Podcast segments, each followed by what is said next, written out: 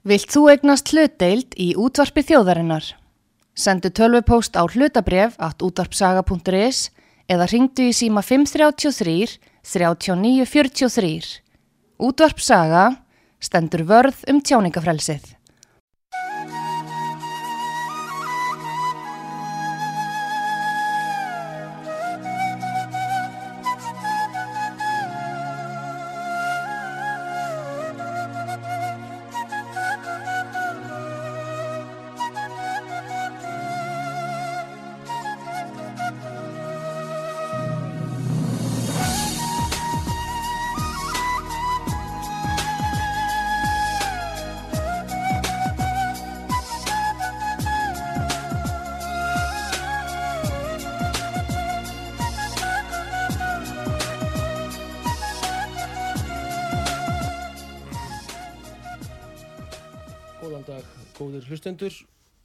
Sýtiðist áttinn sér í dag um Haugur Haugsson og hér á útvarpi sögu og hjá okkur er góður gestur Ólafur Ragnar Grímsson eða herra Ólafur Ragnar Grímsson vissulega með fullri verðingu sem fyrirvandi fórseti líðveldisins uh, langt í frá að Ólafur sé að sestur í Helganstein og annað og uh, heldur út í miklum aðgerðum á uh, sviði sem sagt því að Ísland sé með á alþjóðavettvangi og mikil rástefna hefst í hörpu þann 19. Uh, 50 daginn næsta Arctic Circle. Hvað getur þú sagt okkur, Ólafur, af uh, þessari miklu rástefnu sem er alltaf ykst af, að umfangi?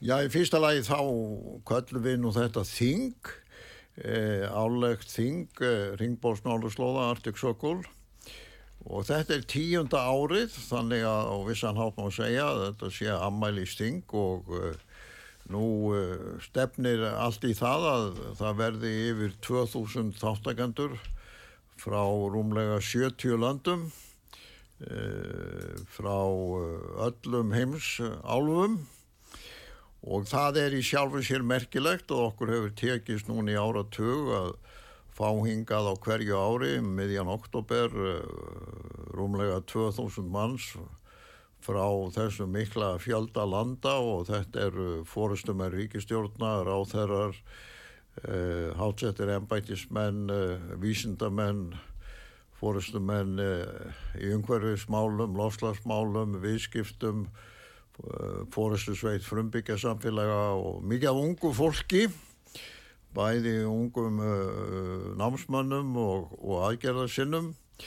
Þannig að þetta er uh, í orðsins fylstu merkingu fjölbreytt alþjóðlegt þing með yfir 200 málstofum og um 700, 700 ræðumönnum og miklum fjölda annara viðburða, uh, skemmtilega heitum og öðru slíku líkur svo með með miklum fagnaði og músík og, og skemmtileitum sem að gengur undir nafninu Ísafjörðarnætt og þar munum meðal hans Múkisson og, og Helgi Björns eh, skemmta.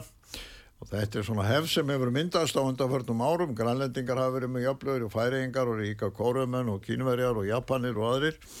En það er í raun og veru fagnar efni að okkur hefur tekist að gera Ísland á þessum áratug að þessum árlega samkomustað veraldarinnar þar sem að menn leggja það á sig að koma frá öllum heimsálfum til þess að ræða ekki bara norðurslóðir, heldur lofslagsmál, hreina orku, málefni hafsins, frumbyggja uh, og uh, þá fjöldþættu flóru viðfáðsefna og vandamála sem blasa, blasa við okkur.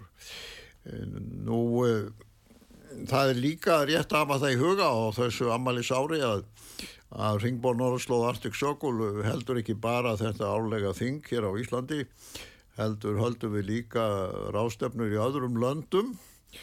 Þær eru vísu smærri í sniðum en þó enga síður 300-700 manns á hverju og uh, svo síðasta var í Japan í Tókjó í í mars og þar talaði utanriksráð þeirra Japan og fjármálráð þeirra og, og lofslagsráð þeirra og tekniráð þeirra og fjöl, fjölmargir e, fórustumenn í japansku stjórnmálum meðan annars svo kona sem núna er orðin utanriksráð þeirra Japan og þá þarna voru mikil fjöldi fulltrúa frá öllum þessum helstu Asíuríkjum sem eiga fulltrúa í Norðursköldsráðinu, eh, Japan, Kóru, Kína, Índlandi, Singapúr og líka frá Evróp og Bandaríkjum. Þar á undan var, var þing í Abu Dhabi í janúar um eh samspil Norðurslóða og Himalægasvæðisins en það eru margir sem ekki átt að segja á því að Himalæga svæðið sem stundum er kallaðið þriðjupólinn að Norðupólinn, Suðupólinn og þriðjupólinn er með 2000 af jöklum og þeir eru að brána mjög hratt og, það ógnar vassbúskap og fæðuöryggi og, og reyndar ymsum uh, öðrum þáttum í mannlegu lífi hjá þessum fjölmönum ríkjum, Índlandi, Kína, Pakistan, Bangladesh, Nepal, Bhutan og, og öðrum. Og næsta slíka rástefna verður í Berlín í bóði Þýskla stjórnvalda í mæja næsta næsta ári en þetta þing núna sem byrjar á 15 það mun taka mikið mið af lofslagsvandamálunum, það mæta um sjö lofslagsráþeirar frá jafn mörgum löndum og fórusinsveit lofslagsting samlið þjóna sem verður haldið í arabísku fyrstudæmónum í, í lok þessa árs. Þannig að e, þetta verður e, fjölbreyt upp og koma sem orðað svo. Við fyllum hörp í þrjá daga og líka Edison hótelið sem er þarna í nágranninu og uh, ásamt ásamt hinnu alþjóðlega þingi sem er í Davos í janúar á hverju ári þá er Arctic Circle orðin uh, fjölmennasta árlega alþjóðlega rástafna sem haldin er í Evrópu með svona fjöldþættir í þáttöku fólks af, af mörgum sviðum Akkurat, er, hvað er þá aðalmálið núna? Eða er lagt það náttúrulega þema efni sagt, Nei, sko, við, það, það er nú eitt af því sem er merkilegt við Arctic Circle ólíkt ímsum öðrum alþjóðlegum samkomum að dagskráin er að hluta til búin til af þáttakandum e, þegar ég var að velta því fyrir mér fyrir um áratug að stopna Ringborn Orðslóð Arctic Circle þá komst ég að þeirri niðurstöf við þurftum líka nýtt mótel fyrir alþjóðlega samfunnu og alþjóðlega samræðu. Gamla mótelið er að bara fulltrúar ríkistjórna og ríkja sitja kringum borður með nafnspjöld ríkjana fyrir fram að sig og, og uh, áhuga fólk eða sérfræðingar hafa takkmarkaðan aðganga þeirri, þeirri umræðu.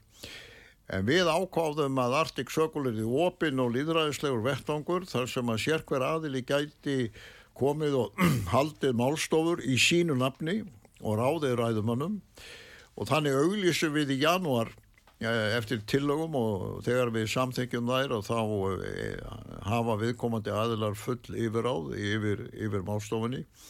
Þannig að ef þú skoðar þessa fjöldbreytu dasgrá sem er nú um 100 blassíður uh, þá sérðu að þar kennir marga grasa En það má segja kannski að undirliggjandi svona þungur ströymur er eh, hvernig norðurslóðir er að brána, hvernig himalega svæðið jöklarnir þar er að brána, uh, hvað afleggingar það hefur fyrir lofslagjarðar og hvernig við þurfum að glíma við lofslagsvandan saminlega og síðan náttúrulega mæta þarna líka uh, fjölmargir af svæðum norðurslóða uh, sem við stundum kallum frumbyggja á íslensku sem er nú ekki gott orð heitir indigenous uh, á, á ennsku, við þurfum eiginlega að fara að finna einhvað annar orð yfir frumbyggja á íslensku. Já, hva, hvað myndur þú ekki til? Já, ég hef nú ekki tilogur í þeim efnum en, en orði frumbyggi gefur eiginlega svona doldi annað til kynna. Já en þetta fólk telur sig vera burðuga fulltrúa fyrir viðkomandi landsvæði en ekki einhvað jæðarfólk og uh, ég held þess vegna á þessu þingi muni kannski lofslagsvandin og hvað er til ráða, akkvært honum uh, vera svona mikilvægasta temað en þau eru þetta mörg önnur sem að muni setja svipa ofnaða Þetta er alltaf mjög mikið fyrirtæki að skipulegja svona rástöfnur og, og eh, þú byrjar á þessu fyrir tíu árum og, og eh, hérna... Við erum búin að halda þetta út allavega þann tíma. Já, já, já, já. Er höfustöðvar hér á Íslandi eða já, í Nóri? Já, og það er mikilvægt átt að sé líka á því að Ringborn Norðurslóð Arctic Circle er alþjóðlegur vettfangur. Þetta er ekki íslenskur vettfangur í þröngum skilningi og uh, til dæmis ráðgjafaráðið er skipað sérfræðingum og fulltrúum uh, víða, víða aður veröldinni.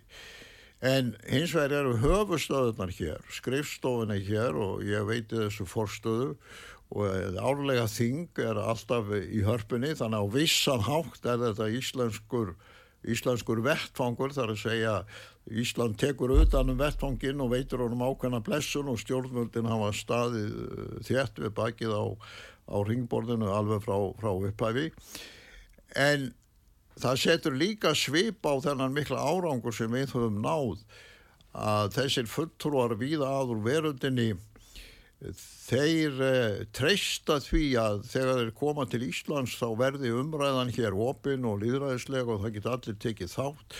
Hér fáum en ákveði skjól til þess að ræða saman á uppbyggilegan hátt.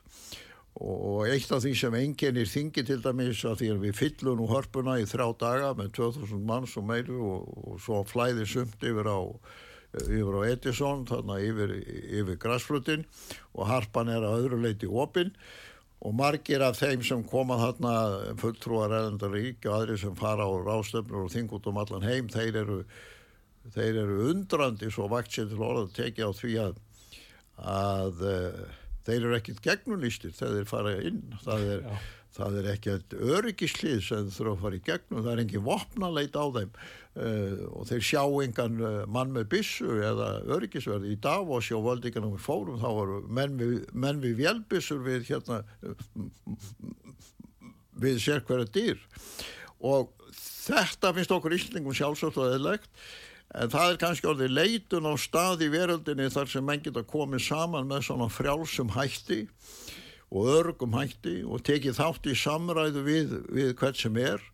Þannig eins og ég segi stundum að Ringbjörn Norðursló Artik Sökulu vettvangur þar sem hinn ungi aðgerða sinni hefur sama rétt til að flytja málsitt og fórsiti eh, og, og, og, fórsiti eða fórsitisráð þeirra ríkis. Já, já, þetta er alltaf mjög líraðislegt og þú hefur komið Íslandi svo sannlega inn á landakortið í, í uh, þessu alþjóðlega samstarfi og, og mjög gott. Uh, Dagskráin er á arcticcircle.org Já, heimasíðan er arcticcircle.org og það er nú bara því að það er ákveði netfangi verðin, það er ekki uppástafir í mínu nafni eins og sumir gantast með. Jú, jú, En, en En þar sjá mann líka fyrir utan að halda þessi þing og þess að rástefnuna fórum í öðru landum að þá beitir í fjölmörku öðru.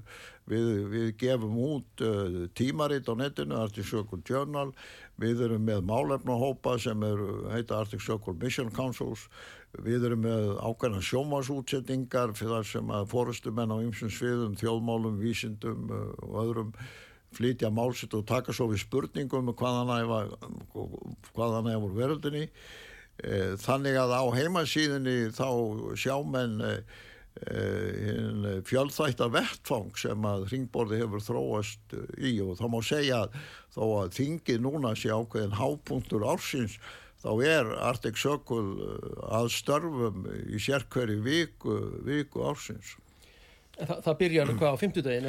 Jú, það, er að vísu, það er að vísu hefur þróast á síðustu árum að á mikudeginum og jafnvel í dag eru svo að kalla þeir for, forviðburðir eða það sem mennska kalla pre-events en, en sjálft þingið byrjar að fullum krafti á 15. morgun og heldur áfram alla daga og kvöld fram á, á lögutskvöld. En það er náttúrulega þegar við erum með 200 málstofur og fjölmarka aðra viðburði þá, þá, þá dugir ekki einn dagur og dug, ekki tveir dagar.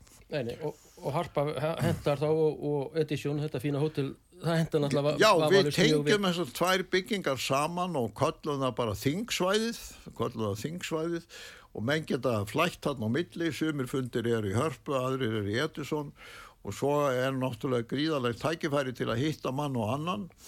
Og við höfum það sem reglu að í öllum svona móttökum og, og málsverðum þá geta meðan blanda geði þannig að ungt fólk geta, geta lappað að sérkverjum fórustumanni sem þar er og kynnt sig og leitað eftir, eftir samskiptum og svörum þannig að það er ekki þessi hólfaskipting sem er eiginlega á öllum öðrum alþjóðlegum ráðstöfnum sem haldnar er í veröldinni eh, þar sem mönnum er raðað eftir tegnarstöðu eða valdi og uh, öðrum, öðrum er haldið utangals. Ég þekki það mótur mjög vel, ég haf satt á morgum soliðis fundum og þingum í gegnum tíðina en ég tók það ákvörðin þegar ég ítti Artik Sokol og vöru að þetta er því annars konar vettvangur opin og líðræðislegur og þá var margir sem sögðu við mig þá fyrir rúmlega tíu árum þetta menn aldrei ganga? Þér menn aldrei takast að fá fósættstráður að ráð þeirra og aðra fórstum til að mæta á vettvang þar sem hver sem er hefur sama rétt til að tala og spyrja þá eh, eins og þetta fólk sem gegnir þessum valdastöðum. Ég trúði á það að það væri hægt að búa til þennan opna líðræðislega vettvang og nú erum við með tíu ára sögu og erum búin að sína það og sanna að það er hægt að búa til svo ég kalla stundum 21. aldar mótel að því að vinna saman með öðrum hættin þessar gömlu hefður frá 19. og 20. aldri þar sem að valdastofnunarnirnar eru alltaf með ákveðin forréttindi yfir dagskrá og, og yfir málflutningi. Það er tímiti komin að gefa fólkinu sem hefur einhvað fram að færa sama rétt til þess að flytja, flytja sitt mál. Nákvæmlega, já þetta er náttúrulega mjög líðræðisleg og fram, framkvæmt og, og uh, uh, þing, þingið en, en þetta álafur náttúrulega er að þakka er það ekki þínum gríðarlega miklu og góðu alþjóðluðu tengslum að geta gert þetta og einn íslenskra bara sem klettur í íslenski pólitík álafur. Já, já, það eru svo sem ímsir sem að, að sko vilja skýra þennan glæsilega árangur með því að ég eh, sé með einhvers konar töfraformúlu eða galdranett sem ég hafi byggt upp á eh, mínum eh, langa alþjóðlega ferli. Sko, jújú, jú, vissulega hefur það haft sitt að segja. Það, það, það eru margir sem þekkja mig og ég haft langvarandi samfunnu við Bandaríkin, mörgur ríki Evrópu, Índland, Kína löndum í Östurlöndum og og menn horfa á þann feril og segja sér já, það er hægt að treysta því að þetta verði í lagi. Eh, en ég segi líka og, og það er mikilvægt aft að segja því að hvort sem að ég hef einhvern galdra sprota eða ekki til þess að framkvæma þetta þá myndi þetta aldrei takast. Ef ekki væri þung undiralda breytinga í veröldinni sem gerir það verkum að hinga koma hverju ári hverju ári yfir 2000 manns frá 70 löndum.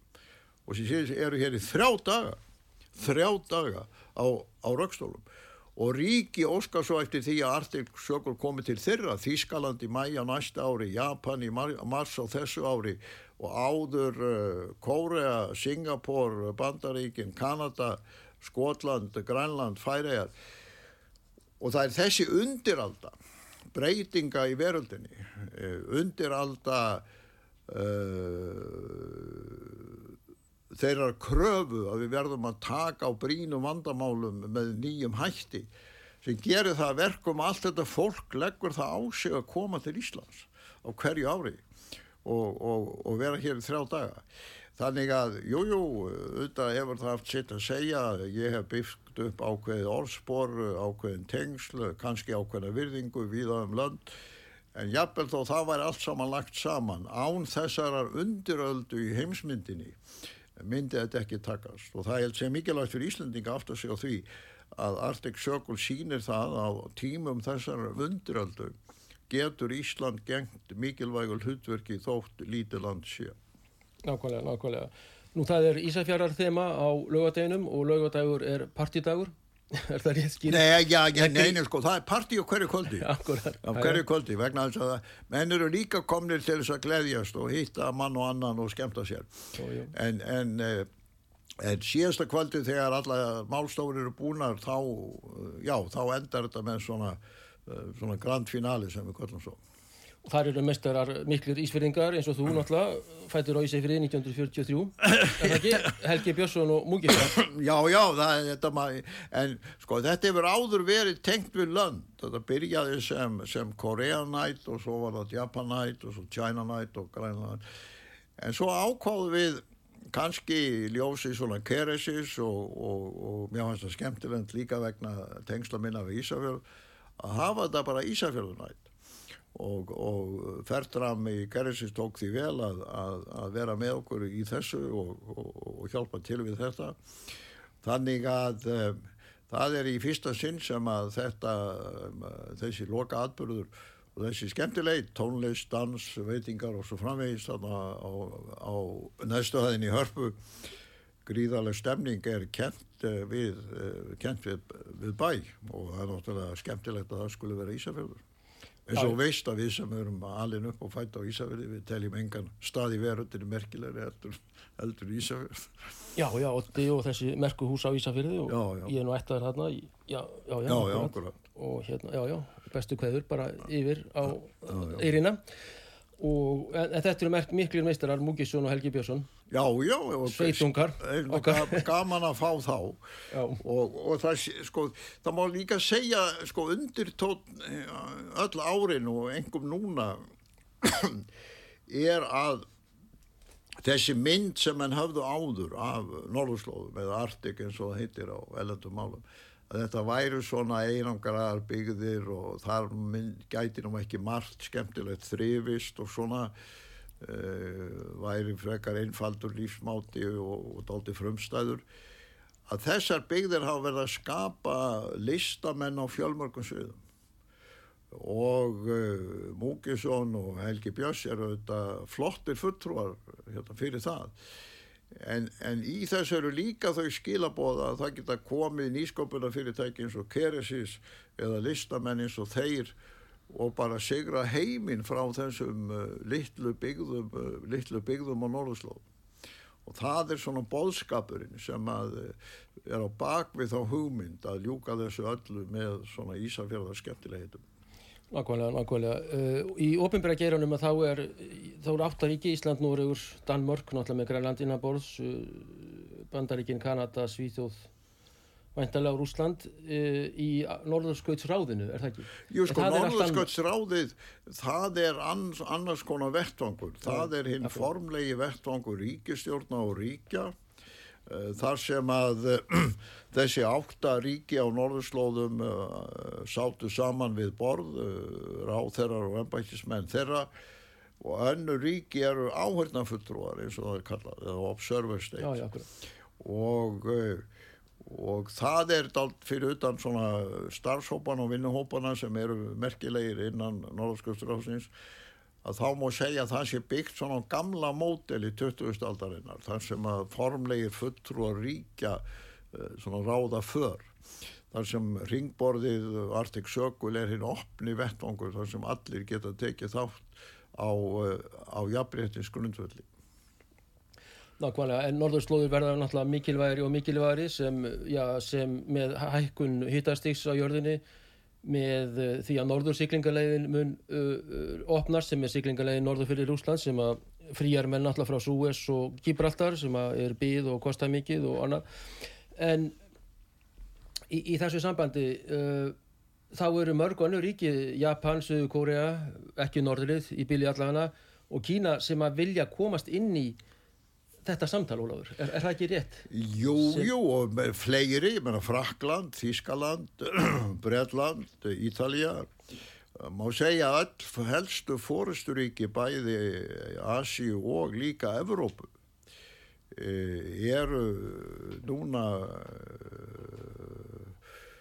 e, meðal þáttakanda í málefnu Norðurslóða, til dæmis að mæti breskur á þeirra á þetta þing núna í vikunni til að kynna nýja norðurslóðastefnu Breitlands og svo mæta þetta fulltrúar Belgíu líka til að kynna það að Belgíu er að móta nýja, nýja norðurslóðastefnu. En í þessu samhengi auðvitað sko þá sé mikilvægt að átta sig á því að það sem við köllum norðurslóðir og það sem á ennsku og norðurlandamálum er kallað Arctic er þetta aldrei svona villandi heiti vegna þess að þau gefa til kynna að þetta sé nú svona ekki mjög stórt landsvæði. Eins og, og húnavarsísla og uh, hérna, Nýfundaland og svo sé Norðurslóðir og Lappland og svona. Staðrindin er svo að ef þú leggur saman öll þau svæði sem tilheyra norðurslóðum eða artík þá eru þau samanlagt á stærð, starfið Afríku eru á starfið Afríku við erum í raun og veru að tala um hluta jarðakringlunar sem er e, nær því að vera sko, heimsálfa heldur en svæði Þetta eru 30 miljón ferkilometrar eitthvað sluðis. Jú, jú, og svo, svo tekur hafsvæðin líka. Já, já. Og ef þú skoðar þetta út frá því að horfa á nöttin ofanfrá, við erum alltaf flest alin upp við það að horfa á landakort á vegg. Og fáum þess vegna alltaf skakka mynd af því hvernig heimurinn lítur út. Hann er ekki flatur, hann er sem sagt kúla. Og ef þú horfir á nöttin ofanfrá, þá sérðu það að þetta mikla svæði á starfi Afríku, Norðurslóðunar, að Ísland er þar bara í miðjunni það er stund, það sem ég kalla sko vesturnorðurslóður með Kanada og Bandaríkin og svo austurnorðurslóður og við erum þarna í miðjunni. Og síðan í vaksandi mæli er heimurinn að horfa á þær auðlindur sem þarna eru. Þá er ég ekki bara að tala um ólíu eða gas, þetta er líka uh, vassafl, vindorku þar verða með það gríðarlegu uh, möguleika að vinna þarna málma, sérstaklega sjálfgæfa málma sem eru nöðsilegir fyrir hátækni 2001. aldarinnar síðan er það syklingarleðinar og svo er það flugleðinar, við meðum ekki gleyma því. Hver er ástæðan fyrir því að Helsingi og Keflavík eru núna einhverja stæstu miðstöðar í flugi í Evrópu og hafa vaksið hraðar heldur en heldur en til dæmis Norðurlönd eða aðrar flugmiðstöðar í Evrópu á síðustu 10-20 árum. Það er vegna þess hvernig nötturinn lítur út. Akkurat, ja. Og, og, og síðan náttúrulega ertu með hafsvæðin og þessar miklu auðlindir fiskistofna og keresis er auðvitað sönnum þess að þú getur bara úr róðinu því sem hend var hér áður fyrr af, af sjáaraflanum unnið kannski dýrmætar lækningavörur sem á örfám árum ná því að fara nánast upp í 200 miljardar króna að hérna verðmæti.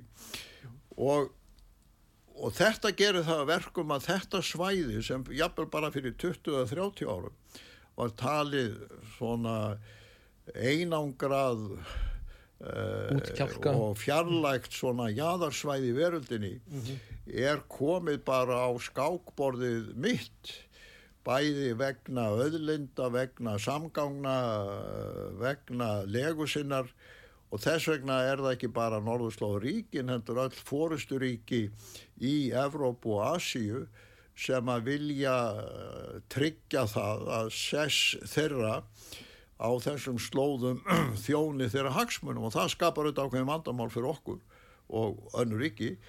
En eitt af því sem þing kringborðsins gera er það að láta þessi ríki mæta hér árlega til Íslands og standa fyrir máli sínu og svara spurningum og í raun og veru mæta og gera grein fyrir því hvað þau vilja, hvert þau alla, af hverju þau eru að þessu og hafa þau svör við þeim áhyggjum og þeirri gaggrinni sem að íbúar á Norðurslóðun kunna hafa. Og þess vegna hefur ringborðið þjónað þeim tilgangi að veita þessum ríkum í Evrópu og Asíu þessum uh, tiltölega nýkomnu áhrifaaðilum uh, í okkar norðlægu heimkinnum að, að veita þeim aðhald uh, að veita þeim aðhald. En það er eins og er eðlilegt að ríki sem hafi mikla hagsmunni efnagslega uh, og tæknilega og, og samgangulega í veröldinni leiti inn á þessar slóður Nú Ólafur er náttúrulega í þessum brjálaða heimi vorum uh,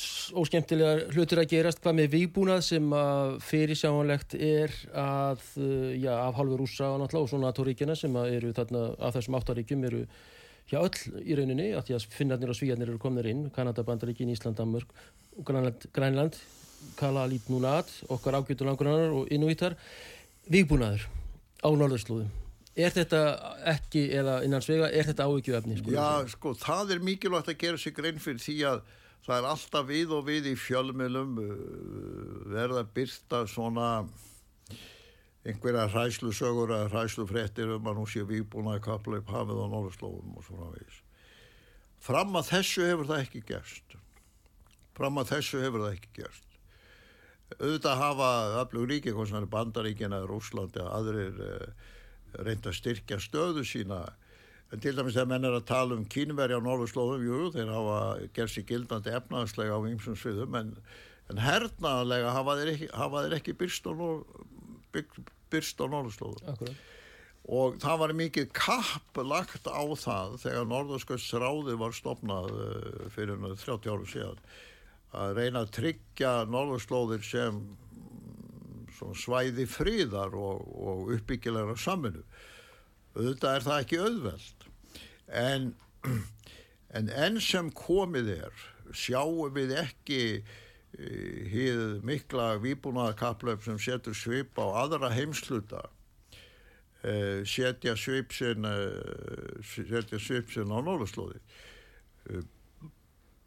Við höfum mýmsa fórustumenn úr bandarískum varnamálum sem geta borðið vittnum það Við höfum líka ímsa ábyrga sérfræðinga sem að vinna við það allavega ársins að greina þessu stöðu. Þar með er ekki sagt að það, það mun ekki gerast en bara fram að þessu hefur okkur blessunarlega tekist að halda þessu svæði frá því að verða samskonar vettvangur vígbúna kaplausvins eins og meiland Evrópu var á kaldastins árurum eins og mið Östurland hafa verið á síðustu 10-20 árum og, og eitt af því sem að Ringborg Norðurslóða fæst við er að byggja upp samræðu til þess að reyna að tryggja þetta verið áfram. Við erum til dæmis með þó nokkra málstofur núna í hörpunni næstu daga sem byllinis fjalla um þetta sem að þú varst að spyrja um og þar, eh, það er opnar málstofur og mestu leitið þar sem að menn geta mætt eh, áhuga fólk og, og aðrir. Og svo erum við líka byrjuðum á því fyrra en höldum því áfram núna með málstofu sem er byggð á því að mönnum er bóð að koma ángaðan sem við reynum að ná saman fulltrú mólikra ríkja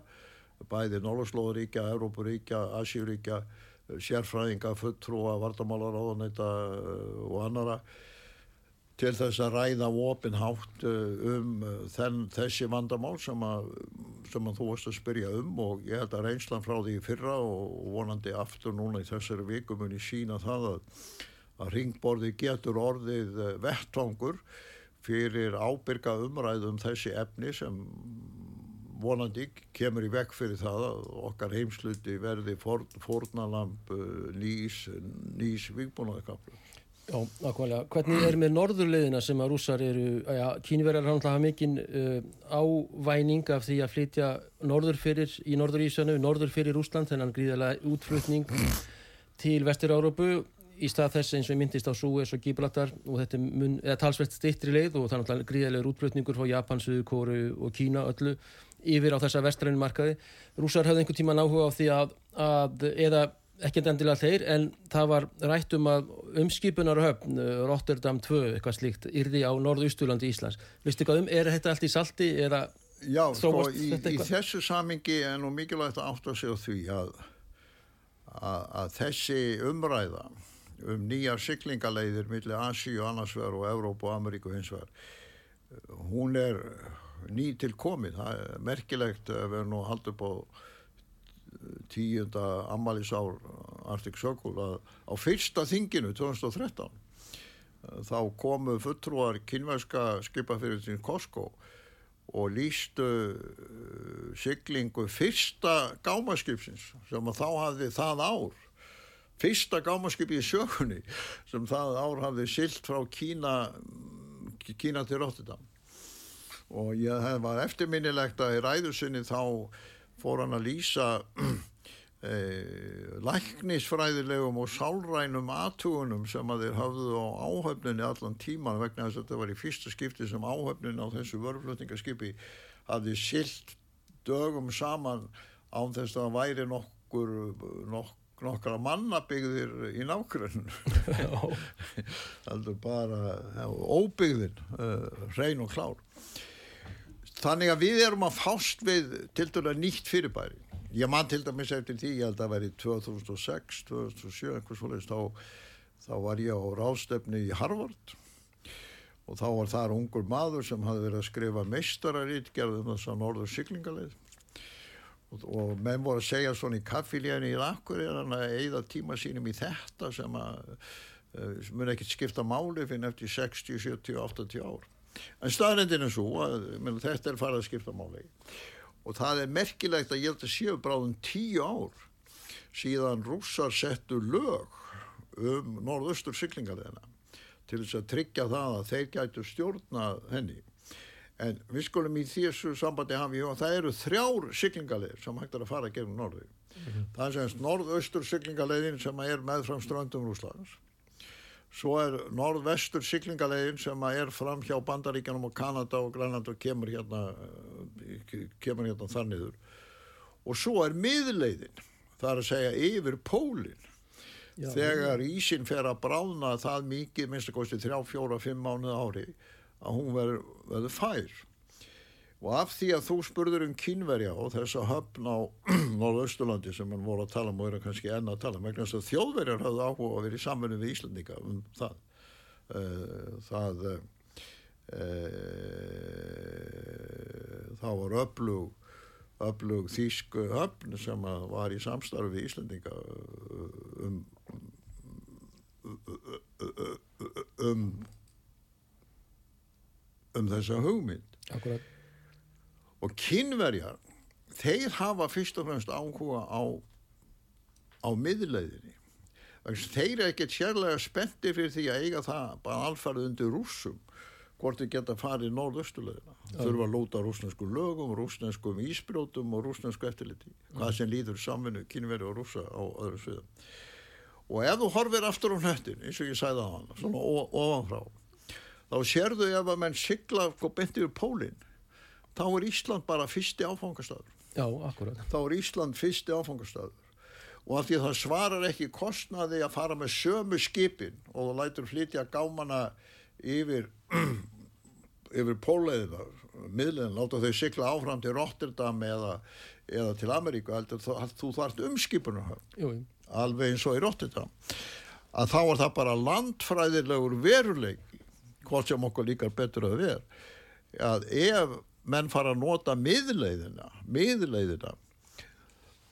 Fyrir, þá þá er Ísland svona fyrsti, fyrsti áfangastæðurinn aftur á móti ef að menn nota fyrst og nefnst norð-austurleiðina eh, fram, með fram Rúslandi þá vildu norðmenn gera kirkines í Noregi að þessum áfangastæð og þess vegna voru norðmenn og finnar fyrir svona fjórum, fimm, sex árum að ræða það að leggja mikla játbröð frá Kirkenesi allarleið söðu til Evrópu mm gegnum Eistræslandsríkin og áfram til þess að taka gámana sem erði landað í Kirkenesi eftir að hafa silt með fram strandum Rúsland frá Kína eða öðrum landum í Asíu og væri svo settir á lestina í Kirkenesi og kert með á sem svo leið liggur kostnaði til Þískalands eða Pólans eða Fraklands og svo framvegis og þetta voru alvöru umræður og það mættu gera á þingin til dæmis fulltrúar frá kirkinensi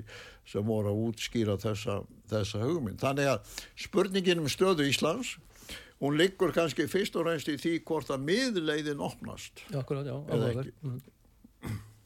Þetta er mjög áhugavert en, en finnar náttúrulega áttu Petsamo, Petsenga heitir það í dag þeir áttu höfn þarna við Norður Ísafið mistu hana þegar að í vitrastriðinu Já, já, sko Kirkenes það var alveg rétt hjá norðmannum alveg rétt hjá norðmannum að ef að norðausturleiðin opnast sem megin siglingaleið millir Asíu, Evrópu og, og, hérna, og hérna bandaríkina að þá gæti leið beint við að nota Kirkenes ef það skapast jafnrættatengsl milli norðurluta Noregs og, og meginlands Európa Já, já, Kirkunesi náttúrulega landamæra bara þarna, það eru skiltin eru vist á rúsnesku líka í Kirkunesi, Kirkunes. En við megin nú ekki sleppa þessari umræðu, sko, án þess að minnast, minnast á Grænland, Aha. sko vegna þess að við gleymum því stundum íslendingar að okkar mikilvægast er nágranni í þessu samhengi er, er Grænland, er, er Grænland. Akkurat. Og möguleikar Grænlands í þessari nýju heimsmynd eru risavaksnir. Eru ja. risavaksnir. Við erum til dæmis með sessjón núna eða málstof á þinginu sem verður á aðalsviðinu með grænlandskan ráþera og ráþera frá Skotlandi þar sem auður veld upp þeirri spurningu hvort að umhverfisvænt vettni eða sem einskuðu kalla green hydrogen uh -huh. Geti orðið útfluttísvara frá Grænlandi eða, eða Skotlandi. Uh. Þa, það eru öll helstu ríki heims að leita því hvað er þetta að fá uh, umhverfisvænt vettni eða, eða green hydrogen það er að segja vettni framleitt með með hreitni orku. Akkurat. Og Grænland fyrir utan allar námunnar við hefum nú heilt frettir af því hvernig gullið hefur fund, fundist í ríkara mæli en, en búistar við en Grænland er einhver stæsta forðabúr af hérna vassabli sem eftir er, eftir er á Vesturlundum þannig að þú leggur saman vassablið, námunnar, fiskimiðinn og tala ekki um ferðarþjónustuna vaksandi fjölda sem að sækir, sækir í norðuri frá Evrópu, Bandaríkjum og Asju að þá skiptir höfuð máli í þessari nýju heimsmynd að við ræktum samband, samband okkur við Grænland.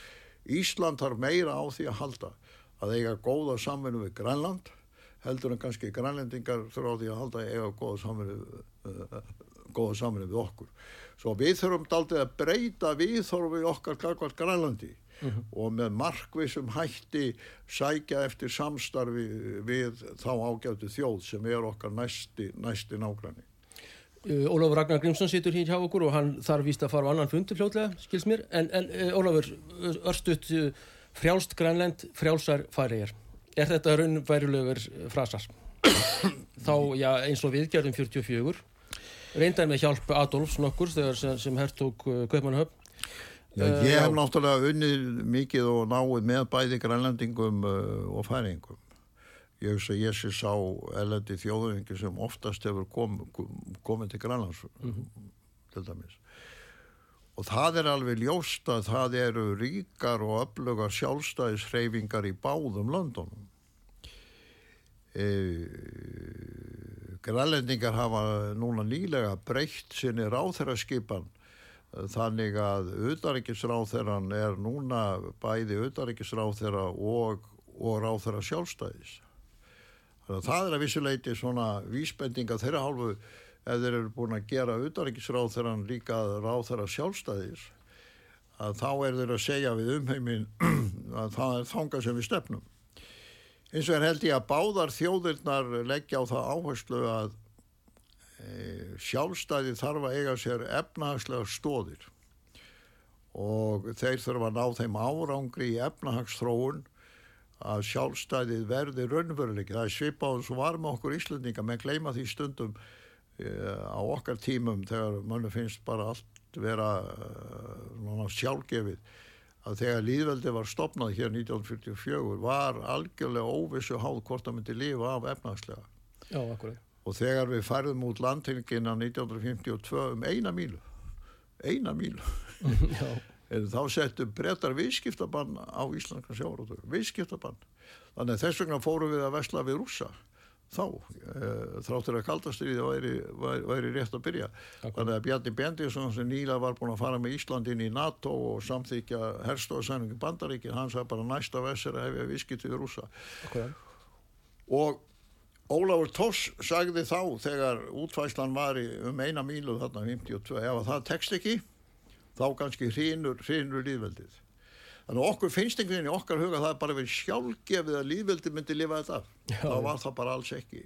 Og Sovjetin bara gerði okkur, má segja. Já, hluti, okay. hluti af efnahags þróun Íslandinga á fyrstu 20-30 árum nývöldins var að reysa nægilega tröstar stóðir undir þessu stjórnskipulega formi líðveldinu að, að það hefði merkingu. Og ég held að bæði færiðar og grænlendingar, þeir vil ég kappkosta það. Jújú, jú, þeir halda umræðinni vakandi, eh, þeir eh, skipa nefndir og ráð og það eru stjórnmálaflokkar í báðum landunum sem hafa þetta sínu markmið og þeir hérna, sitja oft í ríkistjórn. Högni Haudal, utanrikkisráð þegar færiðar mun tala hérna á þinginu á fymtdægin og hann er fulltrúi flokk sem hefur haft sjálfstæði færiðar hérna, á sinni dagsgráð og eins og ég sagði utanrikkisráð þegar Grænlands er núna með sjálfstæði líka formlega sem sem sitt verkefni En ég held hins vegar að það muni ekki verða veruleiki fyrir en efnahagstróun begja landana hefur náð sér enn meira stryk en hún hefur gert nú þegar þó að efnahagsárangur bæði færing og grænlending á síðustu 10-20 árum sé í raun og veru stórmerkilegur. Já, já, akkurat. Færingarnir á stórgrætt að hafa sjálfstæð utaríkis, utaríkis viðskiptastefni. Já, ég segi nú stundum En í svona gríni við Dani, sko, Já, að sangkvæmt stjórnskipunni þá er það þannig að, eh, að, að ríkistjórn Danmarkur í Köpunhafn, hún á að fara með utanriksmál fyrir færiðar og Grænland. Það er konusríki Danmark sem að fer með, með utanriksmál.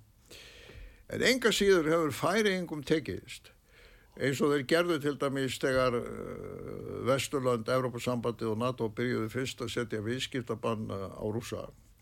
Þá opnuðu færiðar bara viðskiptaskrifstof í Moskvu og stór eldu viðskipti sín uh, hérna við rúsa. E, þó konungsríki væri bæði í NATO og í Evrópasambandinu. E, svo gerðu þeir frívarslunarsamning við Tyrkland. Bara samninga færi og, og Tyrkland og, og svo uh, hafa þeir uh, stundað ímis önnur um sig. Og ég hef stundu spurt að vil ég útskýra fyrir mér sko, hvernig er þetta hægt innan danskra stjórnskipunar? Á sama tíma konusríki Danmörk setur viðskiptabönn á Rúsland þá opni færegar sko viðskiptaskrifstofu í Moskvu og stóra efli útflutningsinn til, til þessa lands Þannig að þetta er svona flókin veröld en bæði ríkin að mínu dómi þó fámenn séu rúmlega 50.000 manns í hverju ríkinu fyrir sig Mm. hafa sínt snildartakt á sviði utaríkismála að mínu dómi á síðustu 10-20 árum. Og þá er ég bara að tala sem gammal stjórnarfrængur maður ég af því að nefna þetta sko þegar ég var að byrja að kenna hérna í háskólanum upp á 1970 þá skrifaði ég lítinn bækling sem var um Ísland, Færiðar og Grænland. Og, og var að velta þessu fyrir mér sem þú varst að nefna hérna í vittalinu Uh, ef að því hefði verið spáð þá að færiðar og grænlendingar myndu ná þessum mikla árangri stjórnskipulega sem þeir eru nú þegar búin að ná þá held ég hefði engin trú að því þegar ég var að byrja að kenna stjórnmálafræðina hérna í Háskóla Íslands Akkurat, akkurat. Þú myndist Ólafur Ragnar Grímsson á lokun, uh, nei, á opnun viðskiptaskristofu færæja, þeir eru að stórgræða á Rúslands viðskiptum og spurning einhver íslensku fiskur farið hérna og er, er, er stimplaður sem færiskur en það er önnur saga og, og þeir farið á Kvítarúsland sem er nú á nú ekki landa sjó en það eru haft annars öðar alls, konar æfingar í útlutningi og færingar hafa stórgrætt og mikil uh, uh, efnaðs uppgangur þessari ágættu vinnum okkar hér í suð uh, vestri í þessu sambandi lokun sendir ás Íslands í Moskvuborg. Komment? Nei, ég ætla ekki að kommentera Nei, á það ok. vegna þess að ég setti mér þá reglu sem er bara almenn regla. Mhm. uh, eftir ég leit á störfum sem, sem fósiti að ég myndi ekki tjá mig um einstakar aðgerðir íslenskra ráþera og það er alveg sama hvað ráþera það er hvort sem það er fjálmálaráþera, mentamálaráþera, fósættisráþera eða í þessu tilviki utarkisráþera og uh, Uh, ég hef oft verið beðun um að tjá mig um svona einstakar ákvarðanir en ég, ég tel að það hafi verið farsælt bæði fyrir svona fósenda embæti sem slíkt vegna þó maður sé búin að láta af embætinu þá svona óbeint ber maður áfram ákveðna ábyrð sem sást best á því hvernig þú ávarpaður mig hérna í upphafi. Já, já, þannig að ég ætla nú bara að halda mér við, við, við þessa reglu glæsilegt, gó- gó- gó- góð grundvallar regla og það er náttúrulega nýr maður í brúnið þarna og vonandi að eitthvað verði. En lokum, sem sagt, eh, fríður í heimi vorum uh, ertu tilbúin að leggja eitthvað á vógast gála að sjálfsög, ertu það að mínu mati sem búin að þekkja því allir þessi 40 ár. Uh, uh, Palestína Ísrael, Úgræna, Rúsland persónulega, ertu eitthvað? Já, ég veit oft í gegnum tíðina verið spurður af því hvor ég vil ekki eh, beita mér eh, í málefnum miðausturlanda. Og mitt svar hefur alltaf verið eh, það sama og, og nú að ef ég sæi einhvern möguleika að hafa ára, áhrif og árangur, ná árangur þá kannski mynd, myndi ég gera það því miður þá hefur svo greining mína á fyrri árum og áratugum að það, er því til lítils uh, hún hefur því miður reynst rétt. Sko, eitt af því sem ég hef lært í gegnum tíðina er að ef að þú ætlar þér innan þann vettvang að, að leiða ríki sem berast á barnaspjótum og standi í stríði að friðarborði að þá verður að hafa raunhæfa von og aðferðafræði sem skilar árangri því að ef að svo för verður áranguslaus og, og skilar yngu þá er vera staðfarið en hérna heimasettið og e, þess vegna e, held ég að allir þeir sem vilja leita fríðar og það er mikilvægt að fólk sé tilbúið til þess það verður líka hafa til að bera ekki bara óskökjuna heldur líka ískallt raunsægi til þess að ná árangri. En ég tel aftur á móti í þessum voveiflega heimi, þá skipti það máli að þráttur í stríðið sem hófst með innráðs rúsa og þessi átök sem núna eru fyrir botni miðrahafs, þá heldur veröldin áfram að koma til Íslands í, í oktober yfir 2000 manns og 70 ríkjum til að leita lausna á, á alvarlegum vandamálum alvarlegum vandamálum veraldar. Og það er vittnisspörður um það að þrátt fyrir ófrið og átök er hægt að skapa vettfang fyrir árangusríkar samræður og samstarf sem við gerum nú í sérkverjum oktober hér, eh, hér í hörpunni. Nákvæmlega, hvað var lust Ólafur þar að hlaupa núna á annan fund en loka loka Ólafur uh, það er vonum argra Íslendinga og mín og Artrúðar og andara góðs fólks að ef Ólafur Ragnar Grímsson herra fórseti lífveldisins Íslands sem að bjarga okkur frá ISAF hefur sínt ákveðna sjálfstæðisefnu í okkar málum fái 50-100.000 áskoranir sé tilbúin að huglega það að fara í fórsetaframbóð sumarið 2024 Það er einfald að svari við þessu að nú hans ég ennska sletta done that sko. og, og punktur Ólafur, punktur, punktur. Punktur við þetta. Við, við, við þakkum Ólafur Ragnar Grímsinni það verða auðvilsingar hérna flótlega og fríðarlag We Shall Overcome og Ólafur þarf að hlaupa núna út á annan fund og við þökkum herra Ólafur Ragnar í Grímsinni Takk að þið fyrir að bjóða mér. Takk að og gangir á sög Gangir vel með þingi Ólafur og bara bestu hverður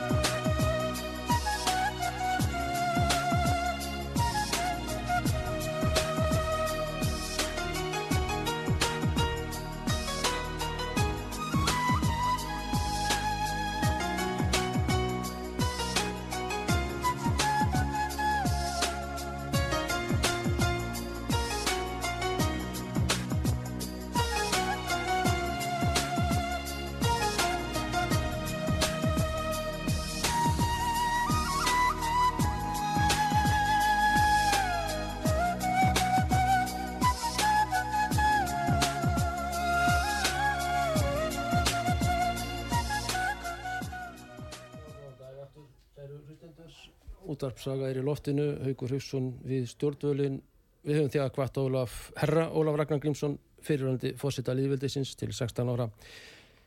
Sem að gerði mjög mikla og góða hluti gagvart okkar sálstæði og fleira þegar hann við sín ágættustörf nú það glætti mig mjög.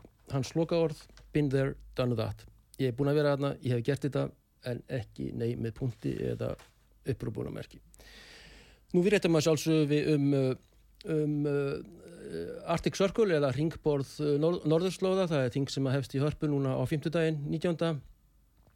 að mótni dags en Ólafur setur þingið um uh, 12.45-12.30 einmann rétt, þetta dagskráin er hins vegar á arcticcircle.org eða org sem að því nú reyndar organisation, organisatia organisasjón uh, Ólafur uh, sagði hér margt verkilegt og áhugavert í spjalli sínu og uh, fríðarlag sem við vorum búin að velja við höfum einhverja fimm mínútur eftir gott og mikið fríðarlag sem við til einhverjum honum uh, best að fórseta mæntanlega hinga til.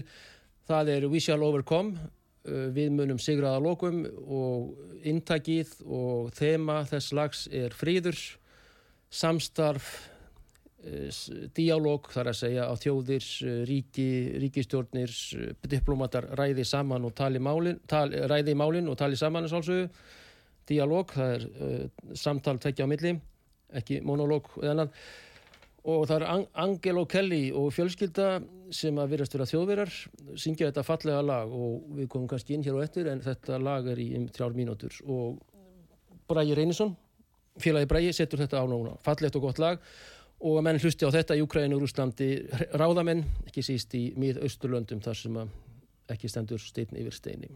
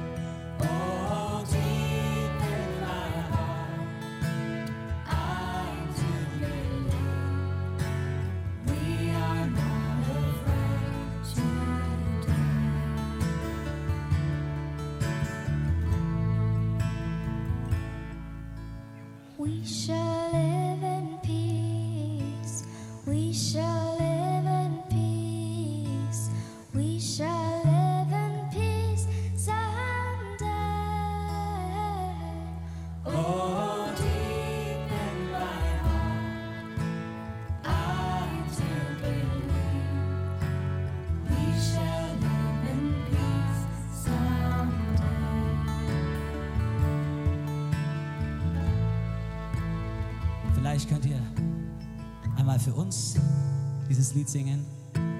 Es geht ganz leicht. Ihr fangt mit We Shall Overcome.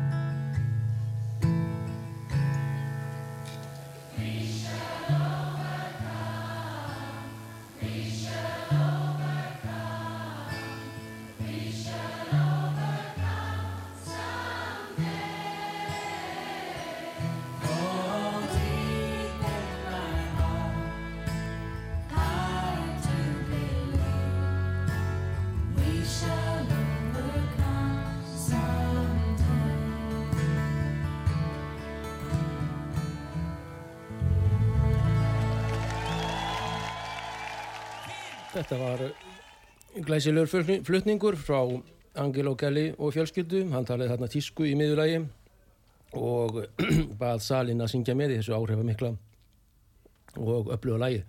Nú við óskum friðar, árs og friðar eða friðars til miðausturlanda, öllum þeim sem er undir, undir rústum, látnir, ekki látnir, slasaðir, gíslar, vonum að brjálaðir stjórnmálamenn í Jérúsalem, Moskvu og víðar. Telja mættu besulega margar borgir uh, fari að fordæmi Íslendinga og ræði málinn sem að gera skar í hörpum næstu daga. Haugur Haugsson takkar fyrir við þessar.